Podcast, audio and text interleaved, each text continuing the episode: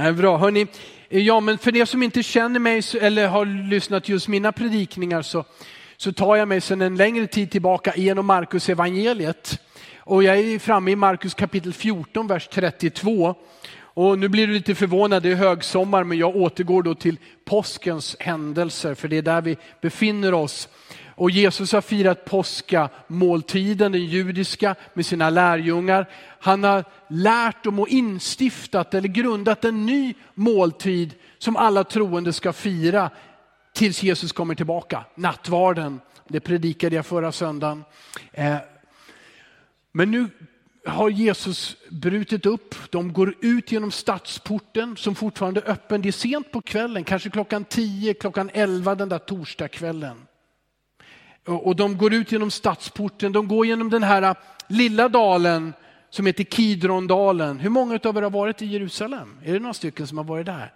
Ja, det här är jättehärligt. Fantastisk upplevelse, eller hur? Att få gå där Jesus gick. Och den här Kidrondalen är inte alls stor och sen så på sluttningen upp mot Olivberget så, så finns den där trädgården som heter Getsemane. Och Johannes evangeliet säger att dit gick Jesus ofta. Så det var väl en privat trädgård och någon vän till Jesus helt enkelt som tillät honom och hans lärjungar att samlas där. Och den här kvällen, kvällen innan han skulle gripas eh, och korsfästas, så gick han dit. Och då läser jag den här texten. I Markus evangeliet kapitel 14, vers 32 till 42. De kom till en plats som kallas Getsemane. Jesus sa till sina lärjungar, sätt er här medan jag ber. Han tog med sig Petrus, Jakob och Johannes och han greps av bävan och ångest och sa till dem, min själ är djupt bedrövad ända till döds. Stanna här och vaka. Han gick lite längre fram och Lukas säger att det var ett stenkast bort. Han gick lite längre fram och föll ner på marken och bad att om möjligt få bli förskonad från denna stund. Han sa, Abba, far, allt är möjligt för dig. Ta den här bägaren ifrån mig, men inte som jag vill utan som du vill. När Jesus kom tillbaka fann han att de sov. Då sa han till Petrus, Simon, sover du? Kunde du inte vaka en enda timme? Vaka och be att ni inte kommer i frestelse. Anden är villig, men köttet är svagt. Han gick bort igen och bad med samma ord. När han kom tillbaka fann han återigen att de sov. Deras ögon var tunga av sömn och de visste inte vad de skulle svara honom. Sedan kom han tillbaka för tredje gången och sa till dem, sover ni än och vilar er? Det räcker. Stunden har kommit. Nu överlämnas Människosonen i syndares händer. Res på er, nu går vi. Han som förråder mig är här. Låt, oss, låt mig be än en gång. Fader i himlen, du sände din son för vår skull och vi får le, läsa och ta del om kampen inför det största lidande och det största mirakel som finns. Att Jesus dog på ett kors för oss för att ge oss liv. Herre, jag ber att texten, bibelordet ska tala till oss genom den heliga ande. Att vi ska få lära oss utav dig för att få leva i din frälsning och i din seger och med din kraft för varje dag. I Jesu namn. Amen. En dramatisk text, eller hur? Låt mig ge några iakttagelser som jag tror kan hjälpa oss att växa, växa i vår tro. Och du, jag kan bara rekommendera att alltid ha en bibel med eller till hands. Ännu mer att göra anteckningar. Du kanske gjorde det för många år sedan, varför inte? För att kunna gå tillbaka. Vi spelar in gudstjänsten och det är bara att rekommendera att lyssna på predikningar många gånger. Men, men ta med dig det som du får med dig ur en gudstjänst, en predikan. Kanske var det hälsningen som Grace gav ifrån Herren som var till dig. Ta med dig det och be för det och ta emot det. Kan du samtala med familjen om predikan, med vänner? Kan du ha en, en hemgrupp, möta en liten grupp och fördjupa? Det här är vanligt sätt att lära, att hålla fast. Men genom Guds ord, genom att lyssna, ta in det i bön i hjärtat, genom att samtala om det som är svårt att förstå och be tillsammans för varandra, så växer du andligen. Och då är du inte densamme om fem år som den du var idag. Ja, det finns faktiskt risk att du inte är densamma ens inom loppet av en kort tid. För Guds ord förmår att förvandla när vi lyssnar med våra hjärtan och tar emot. Vad gjorde Jesus? Ja, det är väl självklart. Han bad. Det står här, vi läser det flera gånger. Han bad. I sin svåraste stund så bad han. Och då är det väl lätt för oss att tänka, eller hur? Om Guds son bad, hur mycket mer behöver inte du och jag be när vi prövas av livet? Om han behövde be, kan du och jag vara kristna utan att klara oss, utan att klara av att be? Vi får lära utav Jesus. Han hade avsagt sig all denna gudomliga kraft och vetande och blivit en människa som du och jag. Guds son blev människa. Och han var beroende av att höra ifrån sin fader. Du vet han säger det. Jag säger inte ett ord utan att fadern har talat om det för mig. Jesus var lika beroende som du och jag av den heliga andes kraft. Han gjorde inte under och mirakel och gav fantastisk undervisning för att han kom på det och för att han var Guds son. Utan han gjorde det under den helige andes kraft. Han var som du och jag. Han behövde be. Han behövde förstå vad faderns vilja är. Han behövde den heliga andens kraft. Behöver du och jag det? Ja, du får säga ja. Amen. Det här är Jesus största prövning. Men man märker att det var inte första gången han bad. Eller hur? Vi människor skjuter så gärna upp bedjandet. Åh, livet går bra, solen lyser, jag har så mycket att göra, jag är frisk, min kropp fungerar, jag har pengar på banken och i plånboken, jag bara lever. Så får vi se hur det går. Blir livet svårt och blir jag gammal, ja men då måste jag väl be. Det är så lätt att vi tänker så här. Och så kommer stormar så kommer slag någonstans från i livet. Och vi har läst i böcker och vi har hört föräldrar och alla har sagt åt oss att prövningar kommer. Men vi blir alla lika paff ändå. Varför träffar det här mig? Gud vad orättvist att jag blir drabbad. Men Jesus var Guds son och ändå så förstod han, jag måste be. Varje dag, i varje situation. Även när tusentals människor lyssnar och, och jag uppväcker döda. Och han bad, han bad och han bad. Och när prövningen kom så visste han vad han skulle göra. Och han visste hur han skulle göra det. Vi lär oss av Jesus, han bad.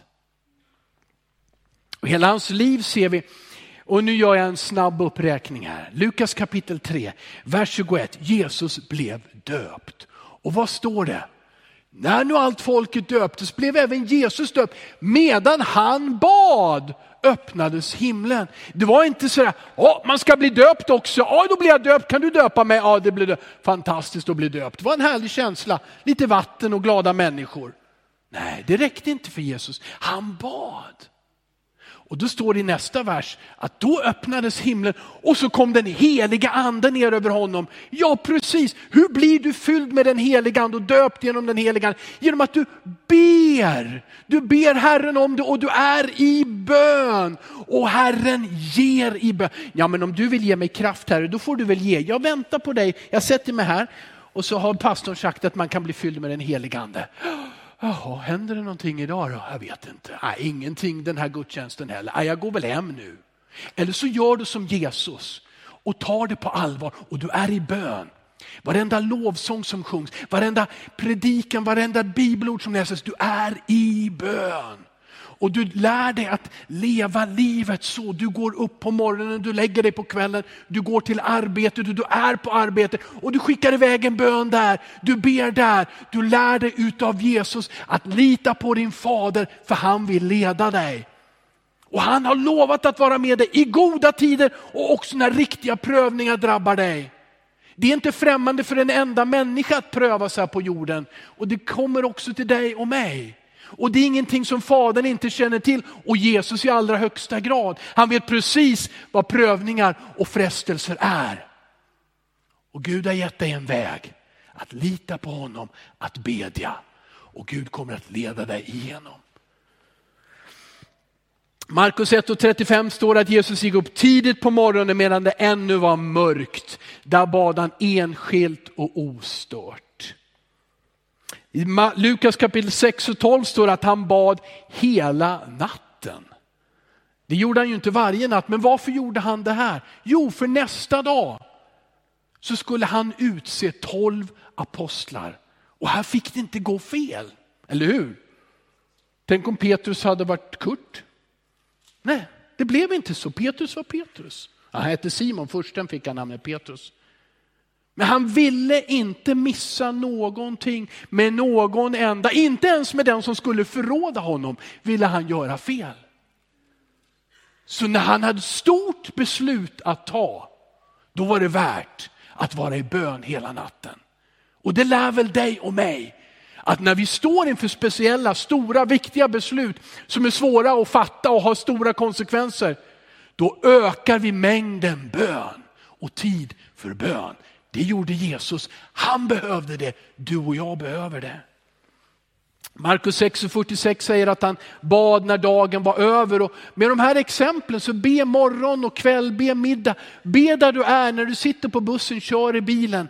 Men gör som Jesus också, ta särskild tid, beskyddad tid också. Där ingenting får störa dig. Där du i bästa fall kanske ändå lägger mobiltelefonen i ett annat rum. Och, och där, där barnen eller hushållet eller vad det nu än är kanske till och med får reda om att när du sitter i den här stolen på den här platsen vid den här tiden, då är det för att du ska lyssna på Fadern och det är bra för dem. Mm, det fanns en stor väckelsepredikant, jag brukar inte prata så mycket om historia, men han hette John Wesley. Och det var, det var tider i England och sen i Amerika där han och hans broder Samuel, Samuel skrev mycket sånger och predikade och John predikade. Och massor med människor kom till tro. Men deras mamma var väldigt, eh, hon hade en stor plats i hemmet. Och de hade, de hade många barn. Men när hon skulle be, och det här var på den tiden man hade förkläden. Då, tog hon sig, då satt hon sig på en stol, står det. Så tog hon förklädet och så la hon det över huvudet. Och då visste alla barnen, stora som små, nu pratar vi inte med mamma. För nu ber hon, hon ber för oss. Hon ber för allting som sker runt omkring. Och det fanns en respekt. Det här är otroligt. Jag skulle jättegärna vara som John Wesleys mamma. Men man, det är inte så svårt. Jag får bara skaffa mig ett förkläde och hänga det över huvudet. Och så börjar jag be. Och så fick hon barn som förändrade världen. För det gjorde den här väckelsen som kom genom John och Samuel Wesley och andra. Ehm, men du, be. Du är morgonpigg eller kvällspigg eller vad du är, eller morgontrött och kvällstrött, då får du be mitt på dagen. Alltså, hitta tiden. Den där särskilda. Ett tillfälle, Lukas kapitel 9, vers 14, är jätteviktigt.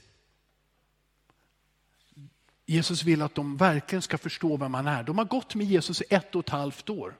Du kanske har gått med Jesus i 10 år, i 15 år. Men det här är ett speciellt tillfälle och Jesus vill, lärjungarna måste fatta vem jag är. Okej? Okay? Inte att de följer mig för att de får många goda smörgåsar gratis från himlen. Inte för att jag är den populäraste i stan just nu. Utan de måste lära känna mig. Inte för att det finns en massa rykten om att jag är en stor profet och jag är till och med som Elia i gamla testamentet. De måste förstå vem jag är. Och då står det att då bad han för dem. Och sen frågar han, vem säger ni att jag är? Och Petrus höjer sin röst och säger, du är Jesus Kristus Messias, den levande Gudens son. Och Jesus svarar, välsignad är du Simon Barjona, för det har ingen människa uppenbarat för dig, utan Gud i himlen. Jesus bad och de förstod. Ser du vikten? Har du barn? Har du barnbarn? Be för dem att de får andlig insikt. Jesus bad för lärjungarna och de fick en kunskap som man inte lär sig på skolbänken eller genom att en kille berättar för en annan. Utan den helige ande uppenbarade för dem att när alla möjliga sa allt möjligt om Jesus så visste de precis vem han var. Det står i första Korinthierbrevet 2.14 att den oandliga människan förstår inte. Vad står det? En oandlig människa tar inte emot det som kommer från Guds ande. Så be inte bara för dina barn och dina barnbarn, be för din granne som du vill vittna för. Be för din kollega, be för människor runt omkring dig. Hiba gav oss en utmaning för tre veckor sedan i slutet på predikan, Hiba som brukar leda möten ibland och sa, eh, den här veckan, be för en person, nämn den personen vid namn och be att du får vittna inom en vecka. Och, och, och, pastorn här han började be och behövde tre veckor innan Gud svarade bön. Men sen fick jag vittna för en, för en granne. Jag kan inte, vill inte berätta mer om det, grannen kanske tittar på oss. Men, men, men det var ett öppet och ärligt samtal. Där jag fick berätta om Jesus också. Gud hör våra böner. Be för människor. Be för dem runt om dig. Det här är det sätt som Gud vill samarbeta med dig och mig. Innan, ja det, det, är så mycket mer. Jesus bad, han bad innan de skulle upp på härlighetens berg, eller Morias berg. Och, och Petrus och Johannes de fick se Jesus med Mose och Elia. Jesus bad för dem. Men när vi nu kommer tillbaka till eh, Ja, det här måste jag också betona. Lukas 11 och 1. Lärjungarna kommer och säger Jesus, lär oss att be. Varför? För att de såg Jesus be. De hörde honom, de märkte honom tidigt på morgonen. Han är borta igen. Han gått upp. Var det någon som såg om Jesus la sig igår kväll? Han var uppe på berget och bad igen.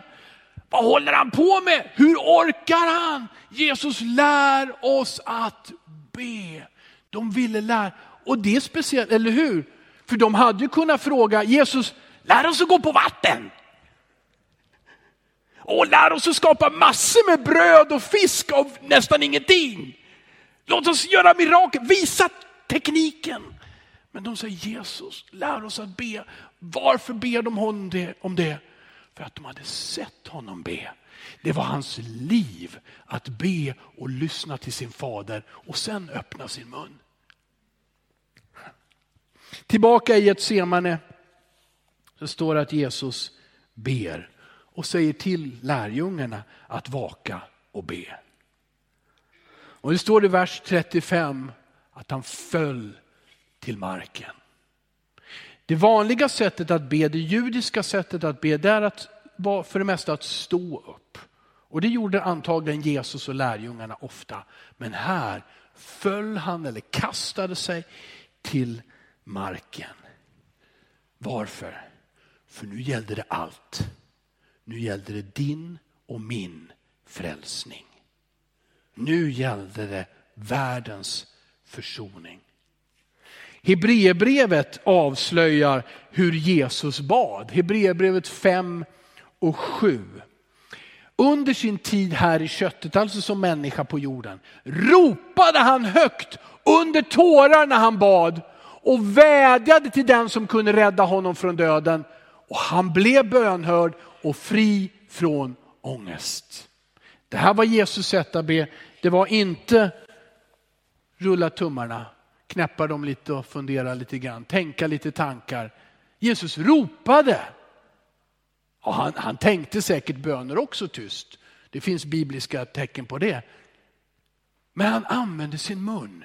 Och det finns något mycket speciellt Jag ska inte försöka förklara det, men Bibeln talar ofta om, med din mun ska du bekänna att Jesus är Herre.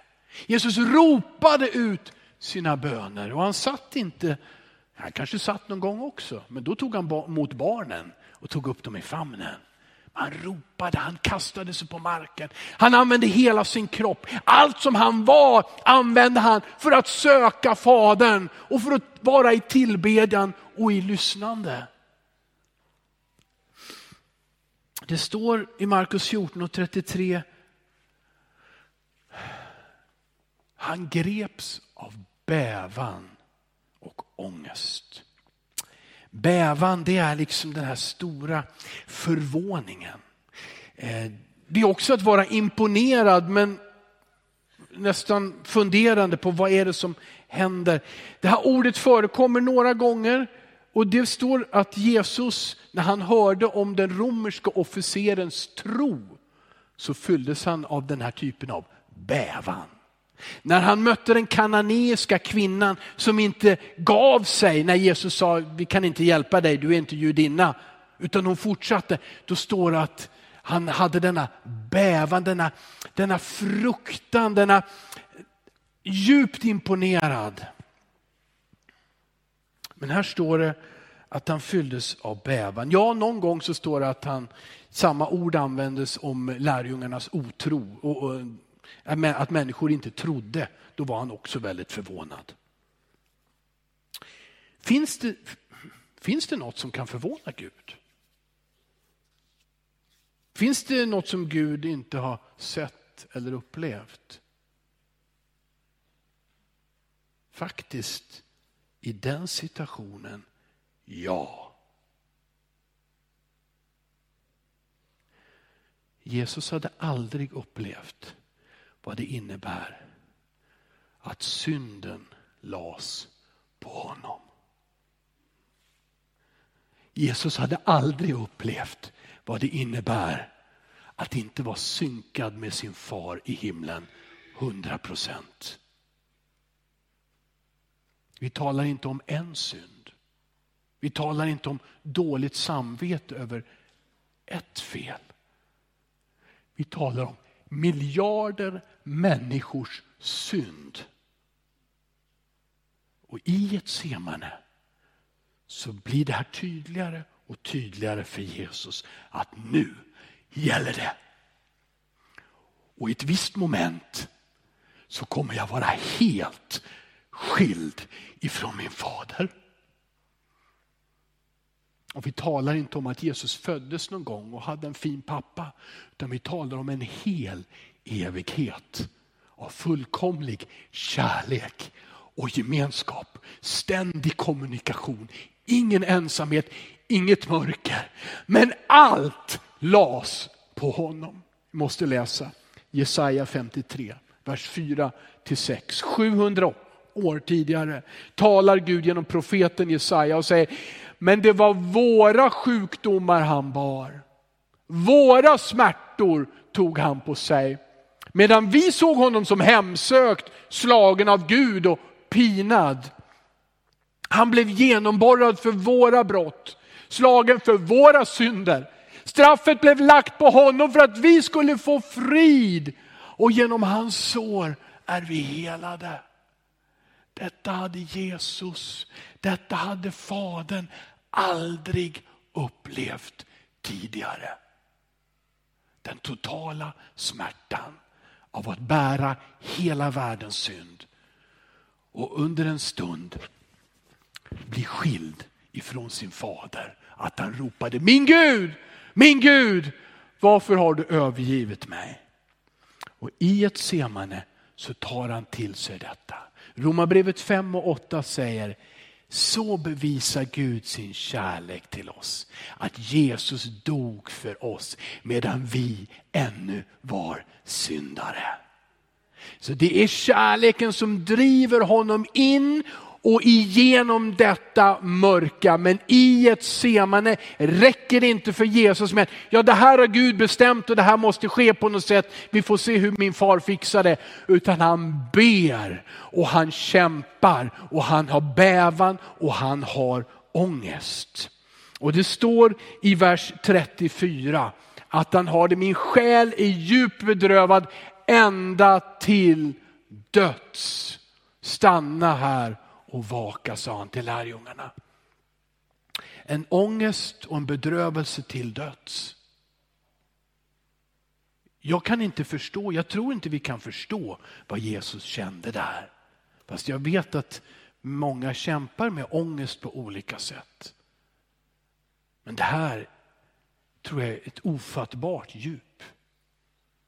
Det är så intensivt att Jesus verkar fundera på, där i ett semane kommer jag att dö här av denna börda. Han har ångest ända till döds. Är det här det tar slut?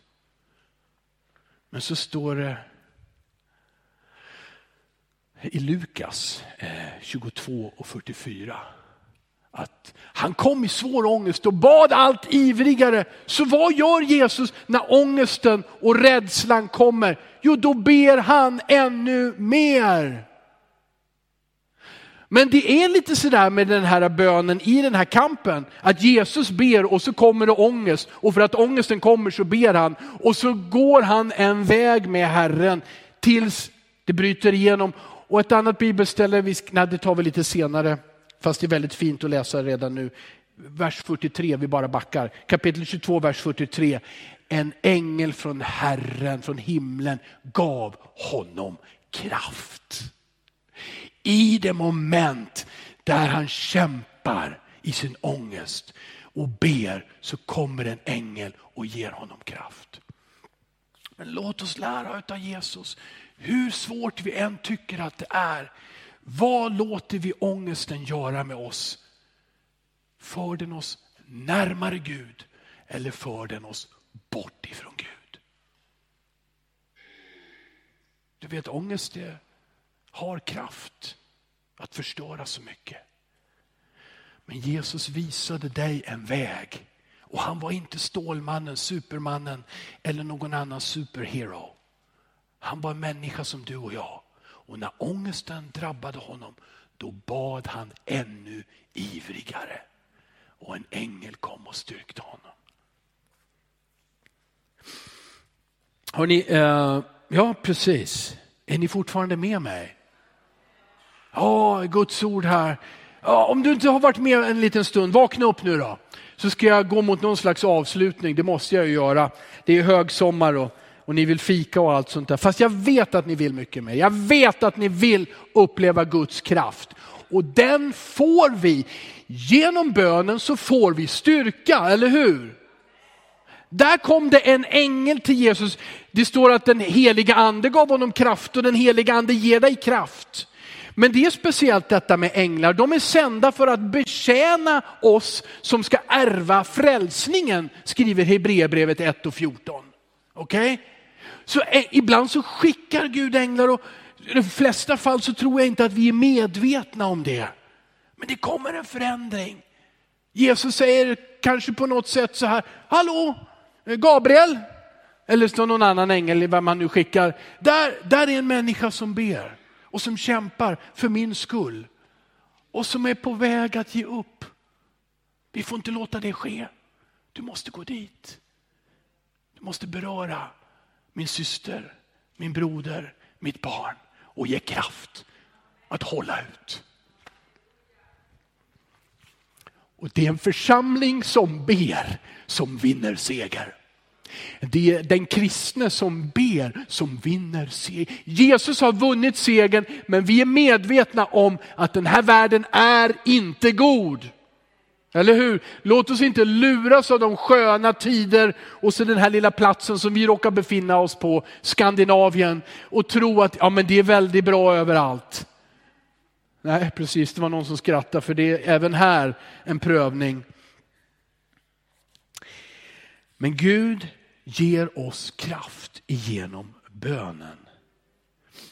När Jesus prövades innan i öknen, då står det att Satan kom och frestade honom och änglar betjänade honom.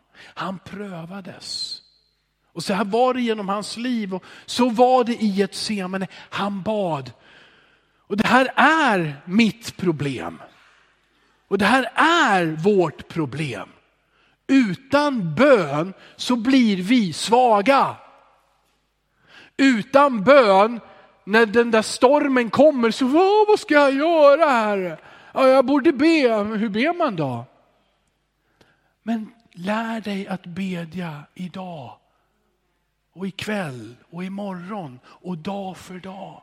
Och använd detta, denna nåd, detta privilegium att den allsmäktige lyssnar på dig.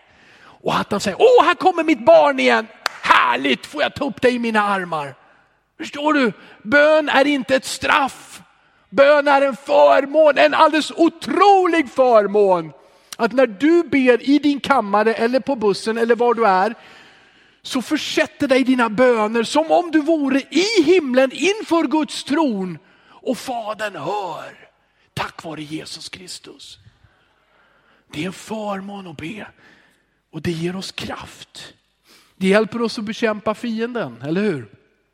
Petrus hade precis bekänt Jesus som Messias. Och nu har han vuxit. jag har fått en andlig insikt och Jesus sa att det var bra, det var rätt. Jesus började då berätta om att jag måste lida och dö. Petrus, han är ju andlig så han vet nu, Jesus, det där, ta det lugnt nu Jesus, det där kommer inte att hända. Ja? Så, så, så, så, är vi människor, vi får en andlig insikt, en uppenbarelse, vi förstår någonting och så tror vi att det är vi. Och så talar vi om för Jesus vad han borde göra, hur han ska handla. Och det gjorde Petrus. Men då är det så här att, eh, du kommer ihåg berättelsen kanske? Jesus säger inte till Petrus, du har fel Petrus. Han talar till någon annan som verkar liksom stå bakom ryggen på Petrus. Satan säger han, vik hädan. Boom, boom. Den troende Petrus med uppenbarelse om vem Messias är. Ja, han kunde också luras av Satan. Och Petrus skriver i första Petrusbrevet, det är kapitel 5, vers 8, va? Eh, att den onde går omkring, nej, ja, det, där, ja, det var där vi var precis, men, men Petrus skriver sen i Petrusbrevet Eh, 5 och 8. Eh, var nyktra och vakna, er fiende djävulen går omkring som ett rytande lejon och söker någon att sluka. Var vaken och var nykter. Amen. Det är bra att vara nykter, eller hur? Det är bra att vara vaken och det finns ett lejon och det är Satan och han vill ta ifrån dig din frid, han vill ta ifrån dig din tro på Guds löften, han vill ta ifrån dig dina barn. Han vill förstöra din familj, han vill förstöra ditt äktenskap, han vill ruinera dig, han vill göra dig less på livet och allting. Och han är som ett rytande lejon, men han kan inte sätta sina klor i dig. Han kan inte bita huvudet av dig, för du tillhör Jesus Kristus. Och Jesus har gett dig ett mäktigt vapen att stå emot den onde. Och ja, det är en kamp. Och Paulus skriver till oss i Efesierbrevet 6 och 12 att vi kämpar inte mot människor. Det är inte din man eller din hustru som är problemet. Det är inte chefen eller kollegorna. Det är inte barnen på skolgården. Utan det finns en som vill förstöra ditt liv. Men du ska stå emot honom. Det finns andliga krafter och makter. Ja, de är lika verkliga som allt du ser och kan ta på. Men Gud ger en seger till den som ber. Och han säger rusta er med vapenrustningen. Och i vers 18 i samma kapitel så säger, eh, skriver Paulus så här, gör detta under ständig bön och åkallan och be alltid i anden. Var därför vakna och håll ut i bön för alla de heliga. Var själv vaken, be för dig själv, be för andra. Du stärker andra och Gud har gett dig vapen att överleva. Dina vapen är din tro på Jesus Kristus, på hans löften. Dina vapen är Guds ord, Bibeln. Läs, fördjupa dig, förstå det, ta till det. Lär dig utvändigt, se till att du har det med dig och så var i bön. I tid och i otid. Han har kallat dig, inte till att förlora, utan till att vinna och vara en välsignelse. Amen. Amen. Vad härligt.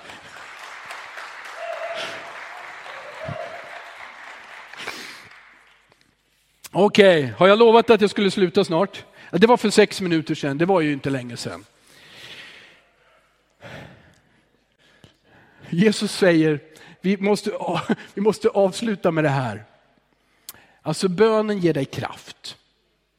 Bönen, bönen ger dig seger i ditt liv. Alltså du tar, till, tar dig till godo den seger som Jesus redan har gett dig. Men den blir en verklighet praktiskt i ditt liv genom bönen. Men genom bönen så förstår du också vad som är Faderns vilja. Oh wow, ja, du kan förstå vad som är Guds vilja. Alltihopa från början till slut. Nej, jag tror inte att han visar oss det nu. Det, vi har någonting kvar i himlen att lära oss. Men ja, du kan få insikt och frid över Guds vilja i ditt liv. Och dessutom, och det här är väldigt bra, han kan, få, han kan ge dig kraft att göra Guds vilja. För det finns en skillnad. Det finns en skillnad att kunna boken utan till och ha all kunskap. Och bara, oh, jag vet rätt så mycket. Men också att göra det. Vi ser på Jesus hur han kämpar med Fadern. Och vi borde väl läsa det. Det var versen. Ja, precis. När jag tittar, ja, det är bättre att du ger mig versen Emilia. Titta. Han sa, Abba, och det är en, en, en mycket kärleksfullt uttryck för pappa, far. Allt är möjligt för dig. Ta den här bägaren ifrån mig, men inte som jag vill utan som du vill. Och bägaren här, då talar han, då talar han om sitt kors. Då talar han om att han ska dö på ett kors. Det kallar han för en bägare som han dricker ur. Okay? Eh, Finns det en annan väg Jesus? Finns det en annan väg far? Finns det en annan väg? Den här vägen är tung och svår. Far, kan du rädda människorna på något annat sätt? Kan vi inte bara bygga några byggnader som vi kallar kyrkor? Och så ser vi till att människorna kommer och sätter sig i bänkarna och är allmänt snälla och trevliga. Var finns det en annan väg? Duger det inte att vi gör, människorna gör sitt bästa. De är inte så illa, du har ju skapat dem. Och huvudsak att jag inte är lika dålig som den andra, eller hur?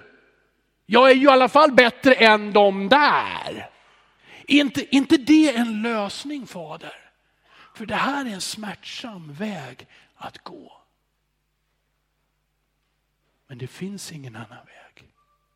Det går inte med Buddha eller Mohammed eller Confucius eller med en filosofi eller med att, att prata med änglar eller hitta en annan väg. Det finns ingen annan väg och det är för Jesus i den stunden det bittra beskedet han får.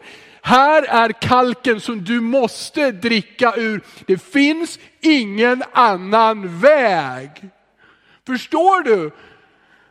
Att om det fanns en annan väg att förlåta synder, att försona oss med Gud, att rena oss och ge oss ett evigt liv, då hade Gud gett oss den vägen. Men han säger till Jesus, ja, vi vet inte vad han säger, men Jesus förstår det. Han ber tre gånger och säger sen, inte min vilja ske, utan din. Han överlämnar sig och han får frid, han står upp och han får kraft. Lärjungarna har tyvärr i det läget inte lärt sig någonting. Senare skulle de förstå bönens väg och lidandets väg. Men där hade han inte haft någon direkt nytta av dem. De bara hängde där och sov där. Men Jesus ville ta med dem och ge dem en erfarenhet av bön, av kamp. Han visste att de skulle behöva det. Jesus vet att kyrkan i alla tider behöver det. Att be, att tro och hålla ut för att få kraft. För att få leva i seger. För att förstå Faderns vilja och även få kraft att utföra den. Var är ditt Getsemane någonstans? Är vi beredda? Alla gör ju det man tycker om, men är du beredd att göra det som du inte tycker om? Är du beredd att tro och hålla ut även när du inte förstår? Tillbaka till Rebeckas sång. När du inte förstår, men Gud måste det vara så här? Kan man inte göra på ett annat sätt? Kan vi inte flytta ihop redan nu? Kan inte de där pengarna vara mina pengar? Kan inte jag bara få lägga mig och sova lite till Jesus? Eller är du också beredd att stå upp, att hålla ut, att leva rent, att bedja, att vittna, att söka hans vilja?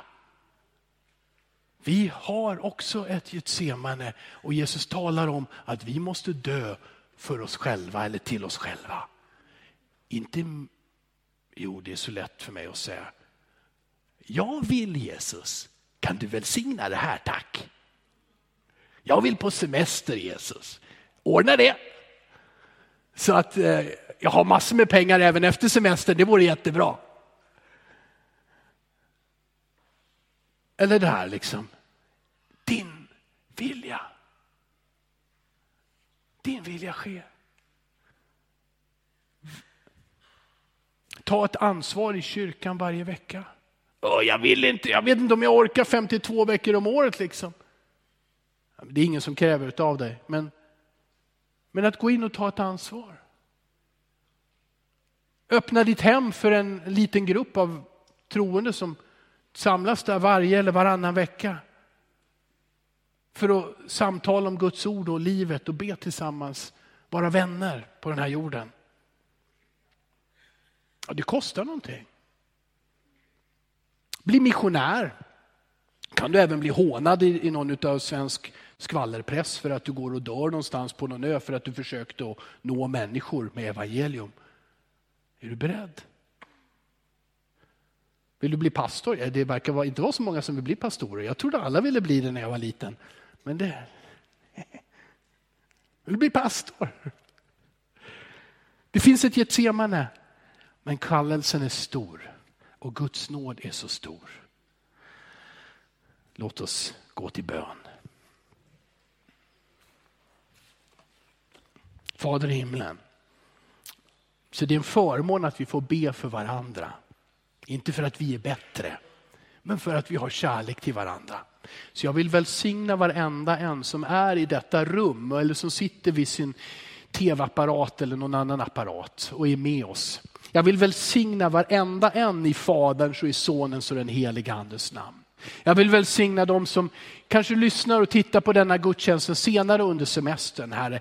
Du är ju fri från tid och rum och vi vill välsigna varandra. Jag vill be, Herre, om kraft för var och en i den inre människan. Jag vill be om frid jag vill be om välsignelser i omständigheter runt omkring. Men just idag, att hålla ut, att bedja lite till, att stämma upp en lovsång en gång till, att tro på dig. Herre, jag vill välsigna mina vänner, mina bröder och systrar, Herre, och be att din vilja sker i deras liv, Herre. Att vi hör din röst och att vi har kraft och mod att gå din väg, Herre. Herre, jag tackar dig för Elinförsamlingen och Pingstförsamlingen och många andra församlingar i vår stad, Herre. Jag tackar dig för besökare från andra håll, Herre. Och jag ber att du ska välsigna oss där vi är, våra församlingar, hemgrupper, olika sammanhang där man möts runt om dig. Herre, vi ber att du ska vara i vår mitt. Du ska fylla våra hjärtan, Herre Jesus Kristus. Herre, jag ber för dem som tar heliga beslut idag. Kanske just att flytta fram positionerna vad det gäller bön. Att hitta platsen, att hitta utrymmet. Herre, jag ber att du ska med den heliga ande ge kraft, Herre. Ge kraft och uthållighet. Du ska göra det i oss och vi ber om det, Herre. Här är vi. Vi vill följa dig, Jesus Kristus. Jag vill be för den som som inte har tagit emot dig än, men som längtar i den här stunden efter den här välsignelsen, efter den här närvaron av Gud i sitt liv. Och jag ber Jesus Kristus om den där friden och reningen som kommer genom din frälsning, Herre. Jag ber för var och en som lyssnar att ditt ord ska bära frukt i deras liv. I Jesu namn. Amen. Amen.